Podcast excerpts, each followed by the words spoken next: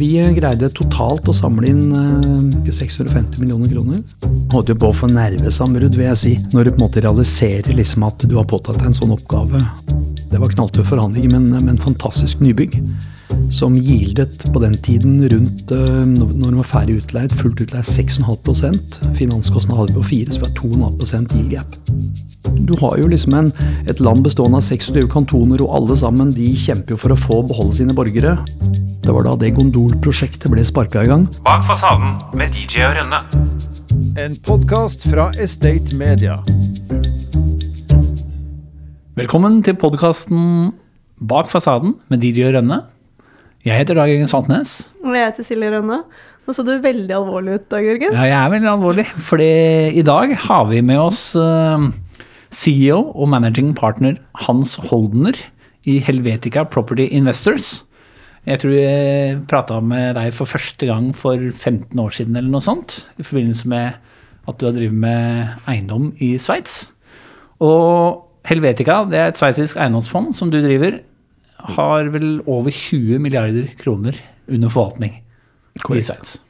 Jeg kjenner jo ikke Hans fra før, så Mm. jeg tenker jo at uh, du kanskje kan begynne å fortelle litt om deg selv. Hvem, hvem er du, og hvordan endte du opp i Sveits? Ja, altså Det er spørsmålet jeg stiller meg selv hver morgen jeg våkner. Hvem er jeg? Nei, fra spøk til alvor. Eh, født i eh, Oslo. Sveitsisk far. Eh, norsk mor. Eh, og, men, men vi hadde egentlig ikke noe særlig forhold til Sveits når, vi, eh, når vi vokste broren min og meg. Men, eh, men det var jo først når eh, min far sendte meg til kokkelærer i Sveits eh, som eh, 16-åring at jeg fikk mine første bekjentskap med Sveits. Hvorfor sendte han deg akkurat dit? Hadde han noe tilknytning til det å være kokk selv? Eller? Ja. ja. Han er kokk. Han reiste ut som, som 16-åring fra Sveits og ville erobre verden som kokk.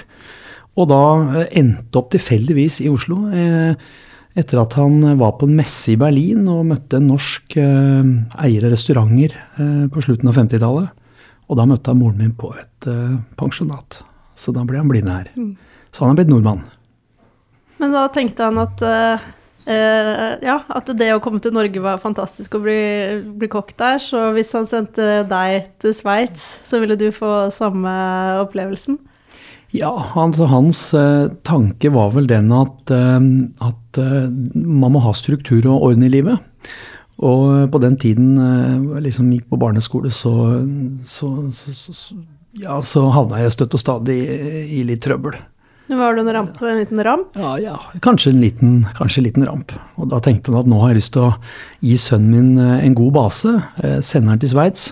Um, og gå i mine fotspor. Det er en god, måte, en god sånn, eh, en skiftenøkkel å ha med seg i livet. Kan bruke til alt. Eh, men, men det, var et, det var jo et møte med, med, en, med en iskald eh, eh, med, altså med, virkelig en, helt spesiell kultur i forhold til det vi var vant til. På hvilken måte da? Nei, altså alt er jo I Sveits er jo på en måte Det er hierarkisk. eh, Det er eh, Jeg mener, man har, man har dette med autoriteter. Mm. Det var noe som jeg på en måte ikke var vant til på den måten i det hele tatt. Så, eh, så, så da ble jeg kasta virkelig ut i det kalde vannet. Eh, Hvor lenge holdt du ut da? du holdt ut i to og et halvt år, og, og da bestemte man for at dette, dette gadd jeg ikke lenger. Men faren min han er jo ikke en sånn type som gir opp, så jeg måtte jo, jeg måtte jo holde dialogen med moren min gående for å finne en løsning. Så jeg, jeg eh, hadde en sykkel, eh, og da bestemte jeg meg i juni 84 for å sykle til Norge. Og da havna jeg på Kiel-ferja, og da møtte jeg en eh, Tilfeldigvis hadde jo ikke noe penger. Møtte jeg en trailersjåfør som jeg fikk lov til å sitte på med da inn på Jarelein på den tiden der. Så han sponsa ikke turen hjem? Nei, eh, jeg, han, han visste det ikke engang. Det var moren min. Moren min som visste dette her, så du kan tenke deg hvordan det å møte far da på Color Line-kaia eh, etter en sånn eh, sak. Hvor lang tid brukte du på å komme hjem da? Du, jeg brukte eh, Altså, dette er så lenge siden, men jeg, jeg mener å huske jeg brukte 12-13 dager. Eh, og det var jo klart, det var jo knalltøft. Eh, Jeg hadde jo trent litt, grann, og, men når man skal begynne å sykle i Syd-Tyskland opp disse lange bakkene, så, og i regn og motvind, det var jo ganske interessant. Men den sykkelen har jeg ennå. Du har det? Ja, ja. Den er på kontoret. Ja, det er gøy. Ja. Et lite klenodium. Ja, den er jo helt original. Eh, 40 år, og, og, og den, eh, den, har fått, eh, den har fått æresplass. Eh, så, så det er interessant. Men hvis dette var eh, for røft eh, for en 16-åring, eh, og kulturen var dårlig Nå er du jo vært i, du har jo vært i Sveits i veldig mange år.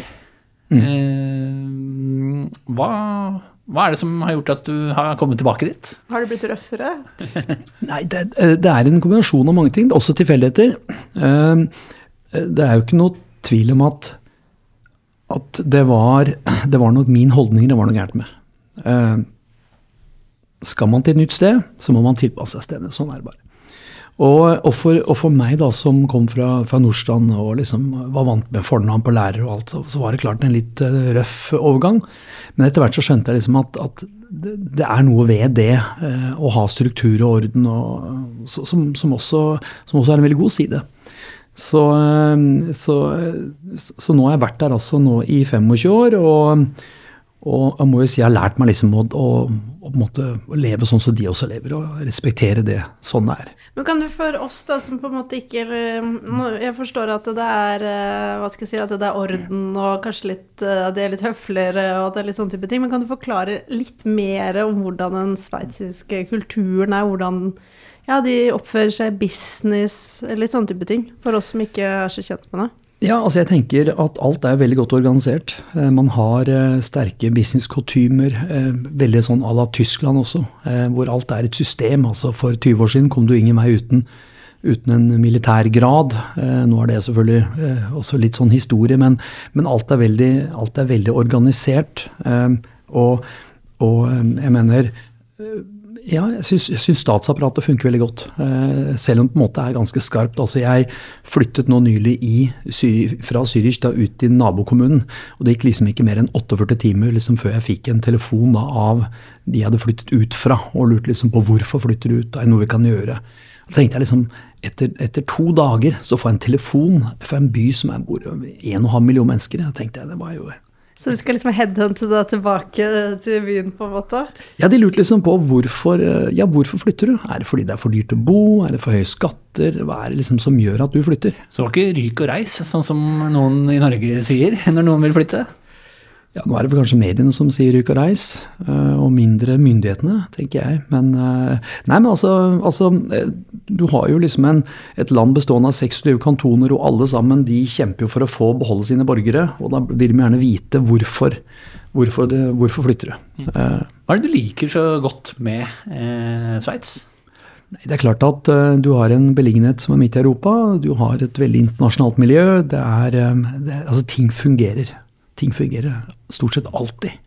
Og det må jeg si det liker veldig godt. Um, og um, og du, du har liksom Du kan liksom Du vet hva du har å forholde deg til. Eh, Jeg mener bare det at man kan, man kan ringe til eh, myndighetskontakter innenfor forskjellige organer når man har spørsmål, ringe direktelinje. Sånn setter jeg pris på. Det må jeg si. Men vi må gå litt sånn tilbake igjen, fordi at eh, du er jo ikke en eiendomsmann opprinnelig. Nå vet vi at du har vært innom uh, kokkeyrket og prøvd deg litt der. Men eh, ja, hvor gikk veien eh, videre etter det?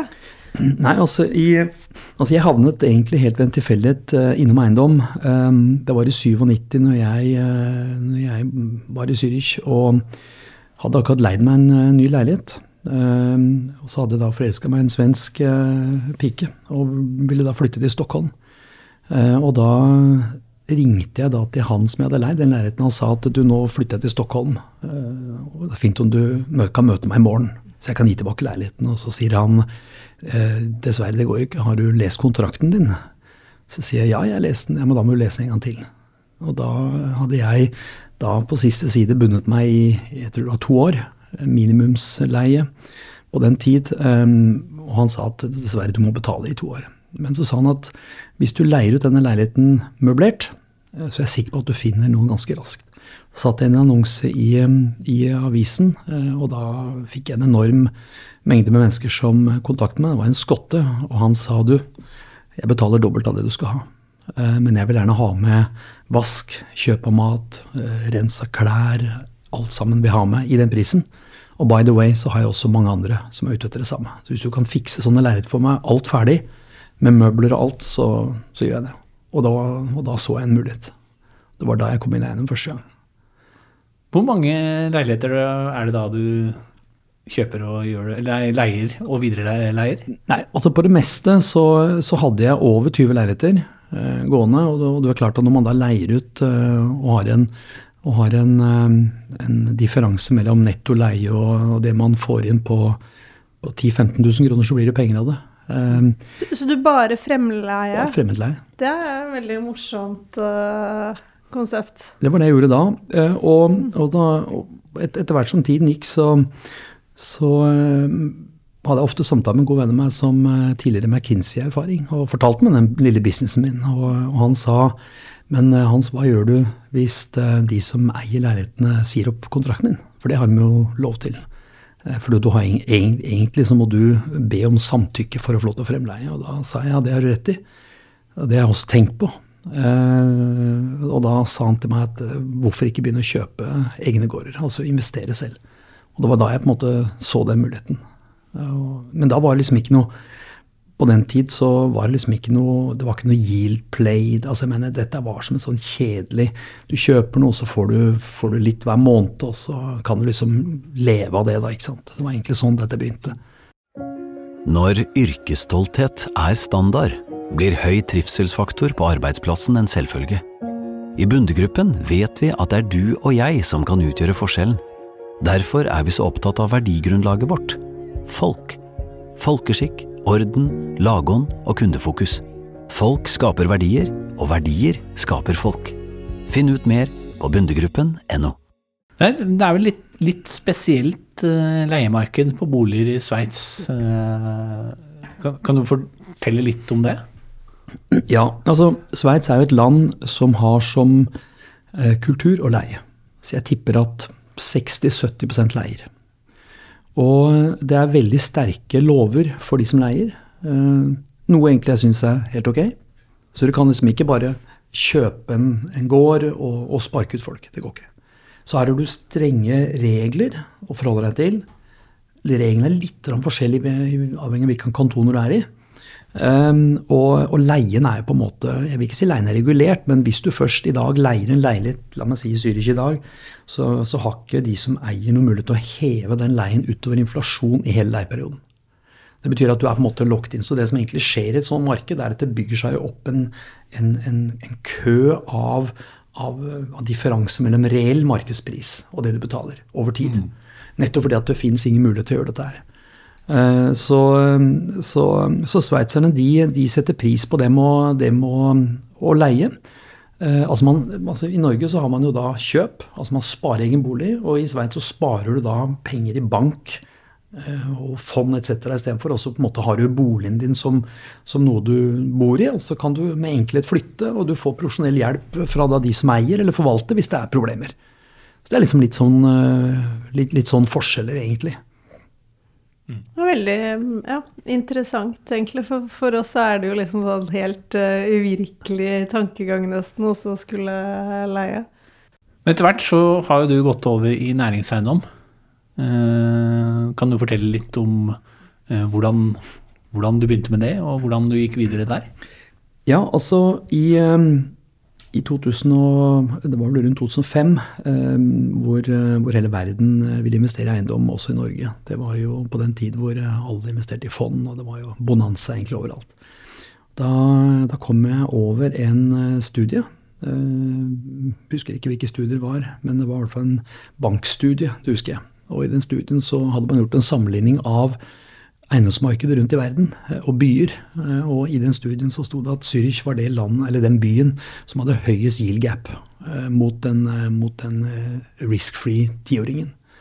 Og det yield-gapet det var så høyt at, jeg tenkte at det er jo ganske interessant at et land med en sånn kvalitet, altså soliditet, kan ha det, den høyeste yield-gapet. Og da tenkte jeg at det må da være en interessant mulighet. På den tiden hadde jo London negativ yield. Eh, og da tenkte jeg dette måtte jo være dette, dette kan jo ikke være dette kan ikke være sant. Bodde du i Zürich på den tiden da? Ja. Men eh, eh, etter hvert da, eh, var det liksom også norske investorer som du henvendte deg til, eller hvem var det du Ja, det var jo slik at um, en, um, en forretningspartner uh, ved navn Thomas Holst og meg, vi diskuterte hvordan kan vi sette på dette her. Han ville da stå for finans og, kapital, og jeg ville da stå for eiendom.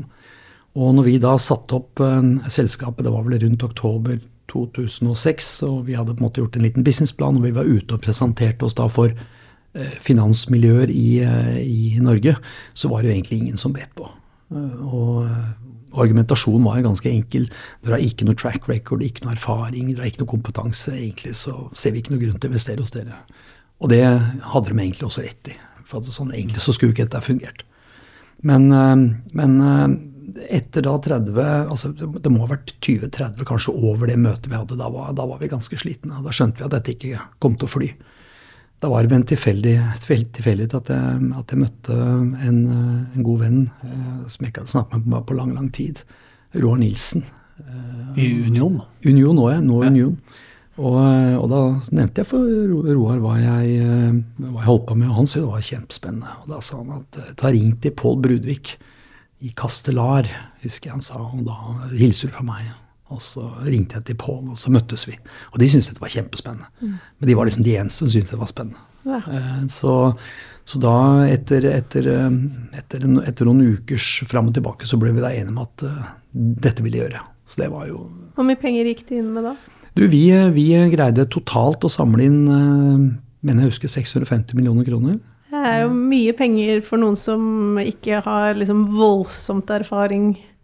Ja, det var, det var, veldig, var veldig mye penger. Og, og det var jo takket være et, et sterkt eh, distribusjonsapparat, 2500 norske investorer, eh, som da ga oss denne tilliten. Eh, og det, og det Hva følte du da, da? For jeg tenker sånn, det må liksom, Du må jo ha vært et enormt press òg. Ja, ja. Jo, altså For meg var jo dette her Jeg holdt jo på å, å få nerve, holdt jo på å få, å få, å få nervesambrudd, vil jeg si. Ja. Når du på en måte realiserer liksom at du har påtatt deg en sånn oppgave. Og, og allerede etter, etter noen uker så, så sa jeg til, til de partene mine at du, dette her eh, dette syns jeg er, eh, dette er som en sånn enorm eh, Mount Everest-ekspedisjon. Jeg lurer på om vi skal droppe dette her og gi tilbake pengene. Og husker jeg han sa at hvis du gjør det, så kommer du til å stå fram som tidenes største taper. Da tenkte jeg ja, vi får jo bare prøve. Eh, Men det var jo ikke eh, mange månedene etterpå liksom at de første spørsmål fra investorene kom. Rapportering, Vekken, eh, altså eiendomskjøp etc. Altså det, det jeg vil si året 2007, det var, det, var, det var et år jeg tror jeg nesten aldri kommer til å glemme. Det var knalltøft. Og 2007 var vel sånn 2007-2008 var vel sånn finanskriseår også, så det var vel eh, tøft for mange. Boligmarkedet begynte vel å uh, smuldre litt opp i 2007, og, og så smalt det i 2008 i finansmarkedet. Men hvordan var det i Sveits i 2007?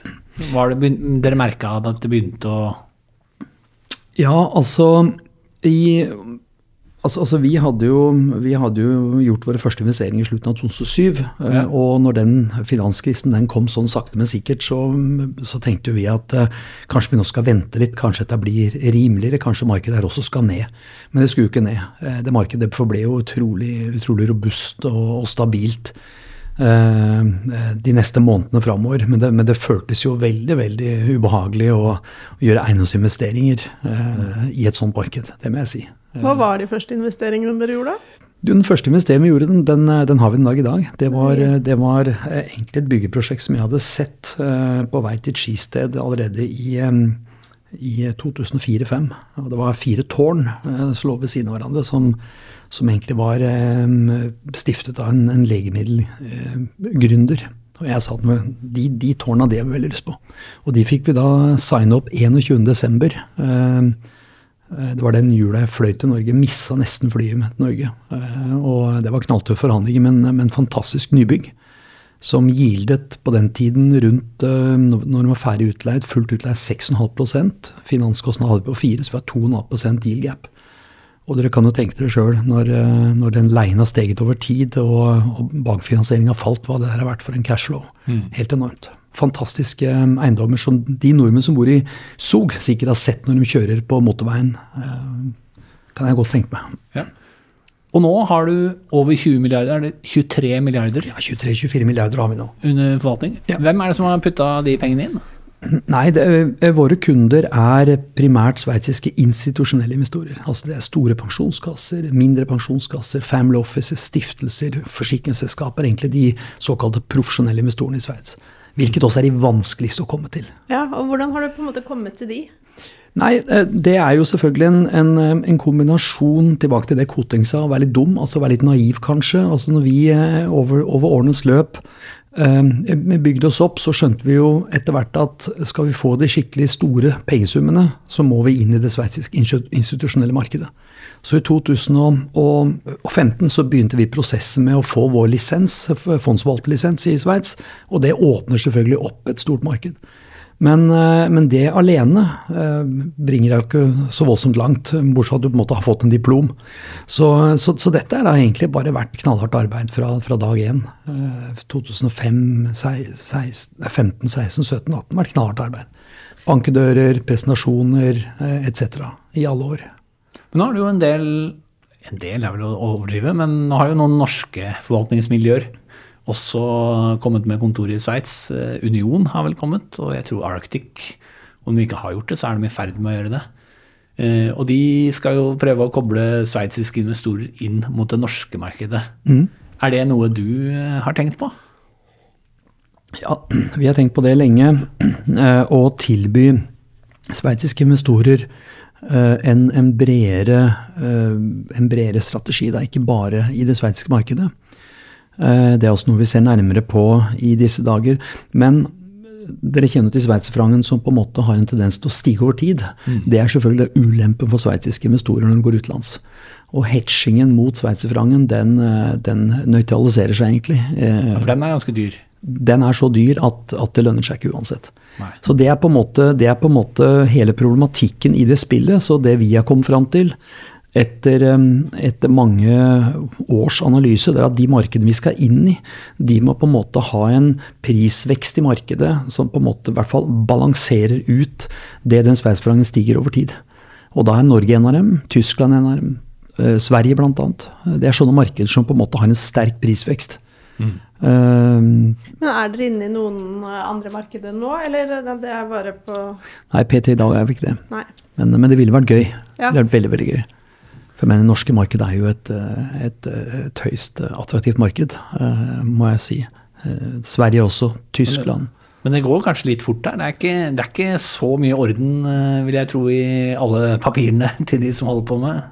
Altså jeg, jeg, altså jeg vil si at eh, det norske markedet er jo et, eh, sånn som jeg eh, har lært å kjenne det, et marked som er veldig drevet av, av spekulasjon. Altså her har, man, her har man raske transaksjoner, altså man flipper ting mange ganger i løpet av et år.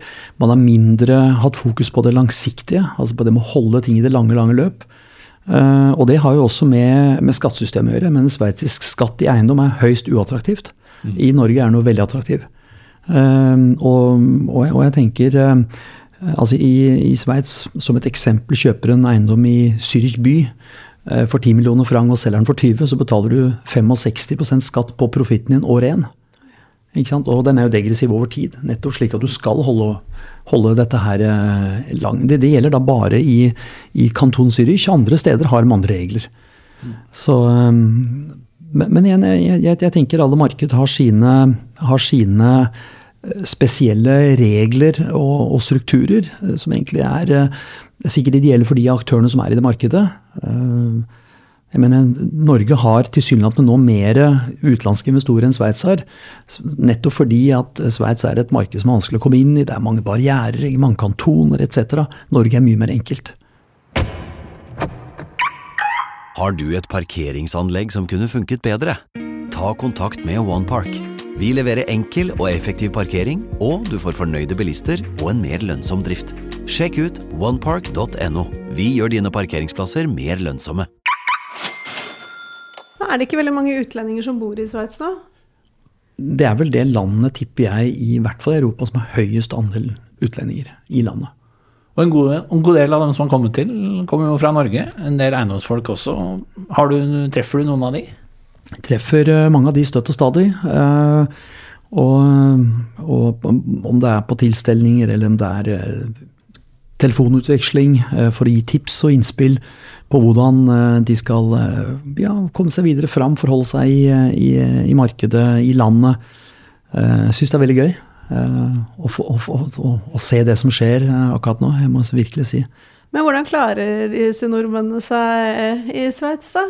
Er, sånn, er de selvgående, eller er det litt skummelt å flytte til et nytt land og Nei, altså jeg tenker jo på at når du, når du, når du flytter ned i voksen alder, så, så, så er det klart at det står ikke venner rundt hvert gatehjørne og venter på å bli venn med deg, så det er jo på en måte en oppoverbakke.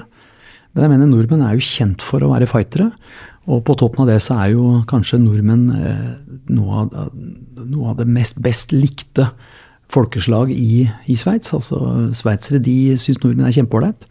Så man har, man har en utrolig fordel der, altså. Men hva, hva tenker du litt om årsaken til at de flytter? Eh, eh, Du har sikkert lest mange uttalelser om skatt, og at man må ende opp med å selge veldig mye eiendeler for å kunne betale skatten. Hva, føler du at Norge håper å si, tar vare på næringslivet sitt? Du, Norge er i en eh, unik situasjon. Eh, man har en eh, stat som spruter, spruter penger uendelig. Og, og da kan man på en måte legge fokus på andre enn enkeltindivider.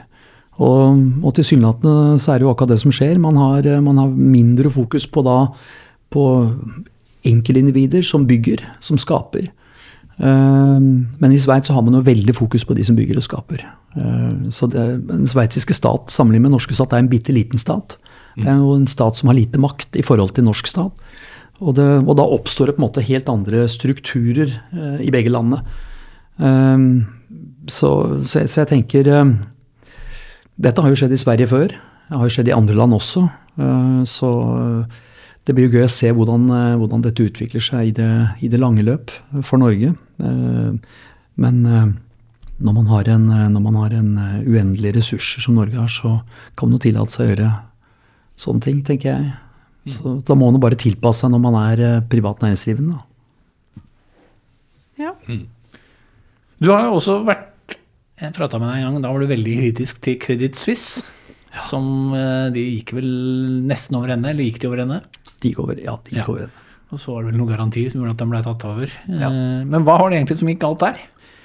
Nei, altså jeg har, jo, jeg har jo bare mine egne personlige meninger, har jo sett dette utenfra, også vært kunde og sånn. Det er klart at jeg tenker når man prøver å merge to komplett forskjellige kulturer eh, Det ene er jo en amerikansk investment banking-kultur med en traust, tjenlig sveitsisk konservativ kultur. Så, og skal liksom prøve liksom å ha ett, ett brand utad og operere i alle disse markedene, så tror jeg det blir problematisk. Så det, jeg tror banken hadde, hadde altfor mye særinteresser, altfor mye altfor mange kulturer med altfor mye hatter. Um, og ja, det måtte gå som det gikk, uh, tenker jeg. Uh, og um, jeg funderte lenge over dette her, akkurat de dagene før, under, etter. Ville det vært en annen mulighet staten tatt over? tenker Jeg nei. Visse, visse ting må bare få lov til å gå ned. Og, og, og det gjorde de også. Har det, har det skada sveitsisk økonomi? Nei, ikke som jeg ser. Eh, I mye større grad så vil det jo styrke dem. For det viser jo det at, at, at du lar sånt egentlig falle når det ikke går. Og det syns jeg, er- jeg egentlig er sympatisk. At man ikke alltid kan redde det med Jeg syns dette her er too big to fail synes jeg nesten har blitt inflasjonært. Man må liksom la dem få lov til å falle. Så får vi bare, så får vi bare brette opp armene og, og prøve å rydde opp. Og det er det de har gjort. Nå blir det i hvert fall spennende å se hvordan den nye eh, banken eh, eh, håndterer dette. Det er jo en voldsom integrasjon. Eh, det er jo en enorm integrasjon, for å si det mildt. Så det skal bli veldig spennende å følge med på. Men selv om du bor i Sveits, så virker det som at du fortsatt er engasjert i lille Oslo og det som eh, skjer på Frogner. For jeg fant en artikkel, og da eh, var det du blant flere som eh, ikke ville ha trikk i Skåveien. Ja, Det er korrekt. Det er jo eh, min, eh, min datter, hun går da på Uranebo skole. Ja. Hun bor her. Eh, og eh, samtidig så er jeg opptatt av arkitektur. Jeg syns at visse ting som gjøres, blir bare banka igjennom. Jeg mener Frogner er jo på en måte et av ja, om ikke et av Europas vakreste byområder, eh, nærområder, og måtte ramponere det med en, med en sånn eh, hurtiglinje gjennom en sånn liten trang med bygate, det, det syns jeg, var, eh, jeg synes jeg var en særdeles dårlig idé. Så da, da ble jeg forespurt helt tilfeldigvis når jeg var ute og gikk på gata, om jeg ville være med og støtte. Da, sa jeg ja, dette støtter jeg. Syns det var en god idé. Har du fått med deg arkitekturopprøret? Som var, det har blitt ganske stort, eh, eller forholdsvis stort i hvert fall. Nei, ikke direkte. Nei. Nei, der er jo diskusjonen hvorvidt uh, det går på pent, pent og stygt. Uh, og det er vel den litt eldre, klassiske arkitekturen som er å foretrekke. Mm. Hvordan er det i Zürich? Der er det veldig strengt. Veldig strengt. Veldig strengt. Og det er jo derfor også når dere er i, kommer til Zürich, så vil dere jo se, eller også alle andre byer, det er jo arkitektur som går tilbake 500-600 år tilbake. Veldig godt tatt vare på. Og har en veldig god kultur når det gjelder å, når det gjelder å vedlikeholde.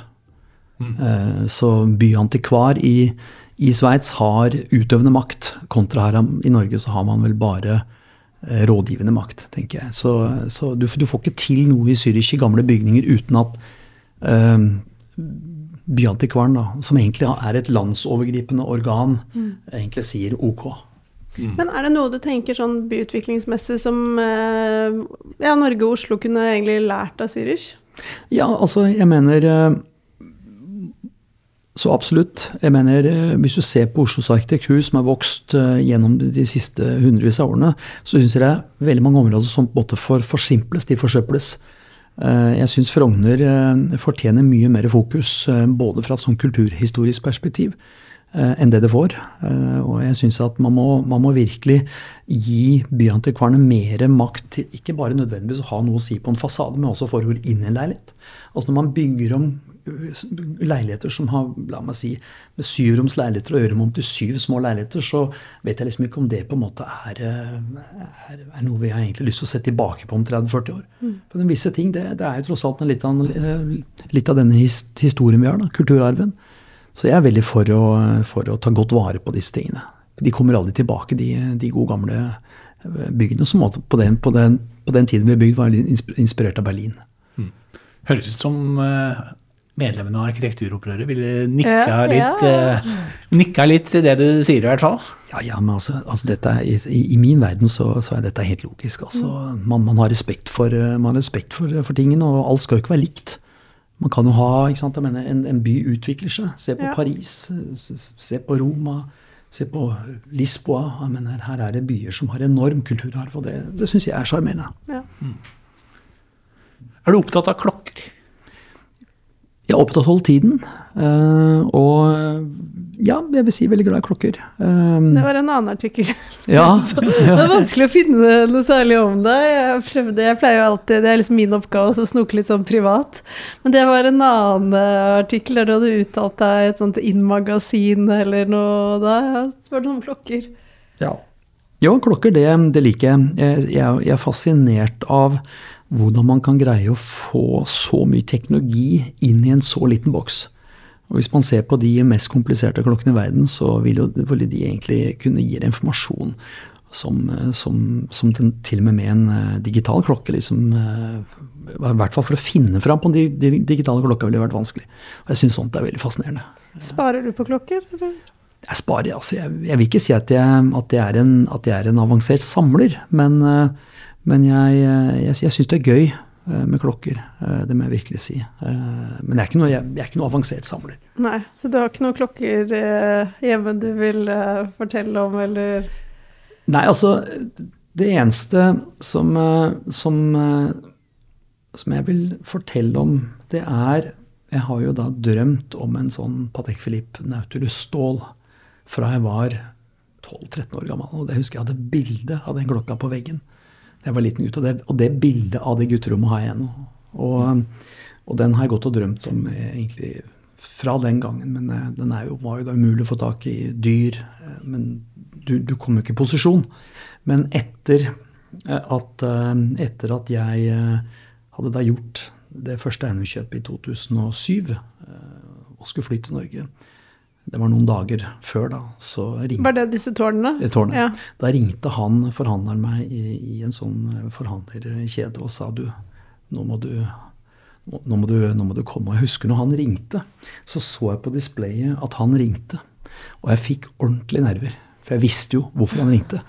For jeg, jeg, jeg ordentlig, ordentlig satt ut av, av, av den. Han ringte meg flere ganger og sa du, nå ikke sant? Nå må Slo, du- slo du til, da? Ja, men jeg, jeg har altså aldri så, vært så skjelven i kroppen som jeg gikk ut av den butikken. Så det var da, det var da, eh, det var da den guttedrømmen, eh, og den har jeg selvfølgelig ennå. Så den, den blir værende igjen på denne, på denne jorda når jeg, når jeg farer. Helt klart. Men er du litt sånn, for nå tenker jeg sånn, ja, du har tatt vare på sykkelen din, du har liksom den klokka som du har gått og drømt om. Liker du litt å ha ting som på en måte har betydd noe for deg en gang, og liksom vært et form for mål? Eh, og liksom se på det og bare, ja. Du, jeg har vel det hjemmefra. Min, min far han eh, har bygd opp eh, en av verdens største kokeboksamlinger. Mm. og også myntsamlinger etc. Og frimerker. Så jeg har vel fått med meg det hjemmefra at, at, at jeg liker å ta vare på, på ting. Altså få ting som jeg på en måte går og gleder meg lenge over. og og liksom ta vare på det, dette her, og gir oss dette videre da i, i familiære sammenhenger. At det er, det, det er liksom det å kunne glede seg til noe. ja. Eh, Det er, eh, det er en helt spesiell følelse. Hva er det merkeligste du har tatt vare på? Ja, du, det er så mange ting, men det høres helt sikkert merkelig ut. Men jeg har mine originale sko, eh, vintersko som jeg kjøpte da jeg var tolv år gammel, som heter Nort, som er skinnsko som jeg kjøpte på Torgersen Sport. Eh, som jeg kjøpte så store eh, at jeg kunne bruke dem når jeg beste- når jeg ble eldre. Og de har jeg ennå, og de bruker jeg ennå. No, Nort.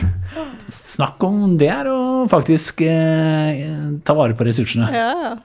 Men apropos lidenskap, jeg har hørt eh, at du har en eh, annen lidenskap. Det er en historie om en kondol.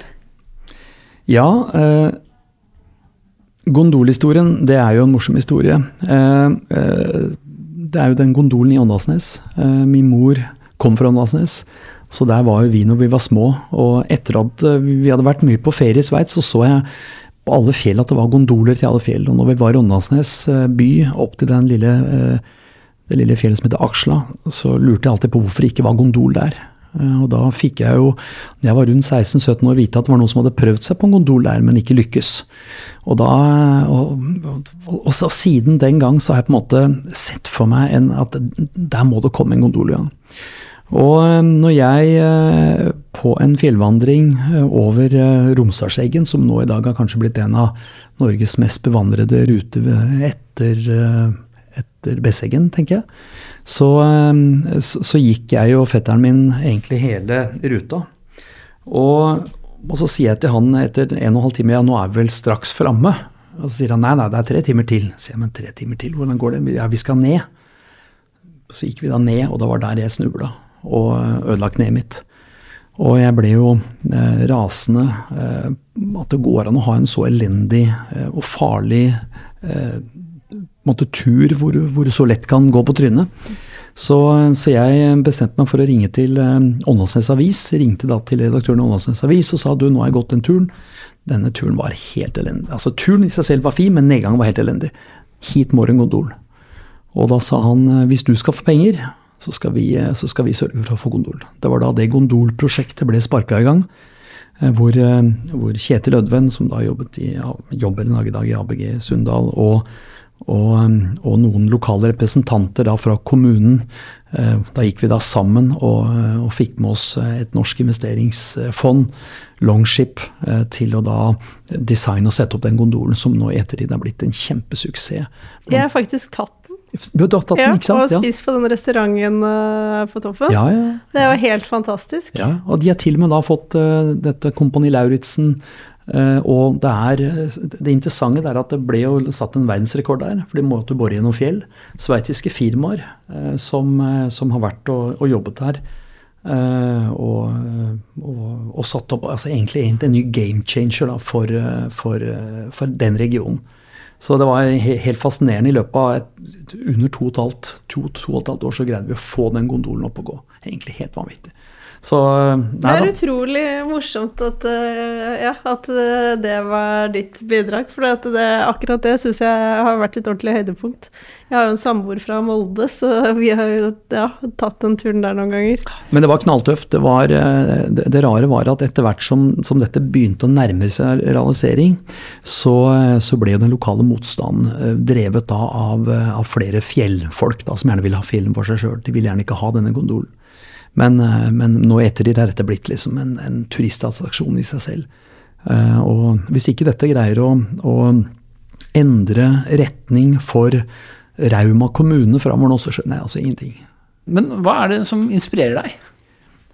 Nei, altså, jeg mener eh, i, altså, i hverdagen så er jeg, altså, eiendom jeg si har en Eiendom og arkitektur syns jeg har et synes jeg har en er, en vegg jeg, liker å støtte meg til. Eh, god mat. eh, ski, toppturer, eh, natur.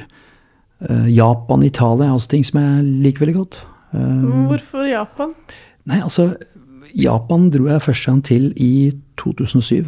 eh, Og mm, har en, en venn av meg som flyttet hit. Og han, og han var så begeistret for Japan at han sa du må vel komme hit. Og når jeg kom dit, så skjønte jeg det var som å reise inn i framtiden. Det var som å reise altså inn i framtiden på alt. Det var Altså Vi snakker om eh, dette med tog i, i Norge og Sveits. Gå på tid, rydde i orden. Men man kom til Japan, Tokyo, det var en helt annen verden. Det var, det var altså virkelig som å lande på en helt annen planet. Og det landet det har bare fascinert meg siden. Eh, Så der, Også eiendom. Jeg, altså, vi- vi- hvis man som eiendomsbesitter ikke har vært i Tokyo, så kan jeg bare anbefale det. Der ser du framtiden av hvordan, eh, av hvordan eh, mixed use-bygninger settes opp. Og hvordan byområder bygges opp. Hvordan samarbeid med lokale myndigheter. Hvordan, på tross av strenge bygning, bygningslover, eh, at, at man legger til et litt estetisk eh, aspekt i utviklingen. Så det syns jeg er, eh, det synes jeg er helt, eh, helt annen verden. Også struktur og orden. Det virker som du er noe Enormt. som Ja, noe du liker godt. Ja, Og ma mat, du er god på kjøkkenet? Du, det, må nesten, det må nesten de som har spist hos meg, eh, svare på. Men, men jeg jeg er nå i hvert fall glad i å lage mat. Eh, og har blitt veldig glad i å grille. Klassisk, eh, god Weber kullgrill. Eh, eh, det, det, det føler jeg at jeg mestrer gans, ganske brukbart. Så er dere noen gang i Sveits-traktene, så skal jeg ikke se bort fra at du får en grillinvitasjon. Godt kjøtt på en god gammeldags kullgrill. Bak fasaden med DJ og Rønne.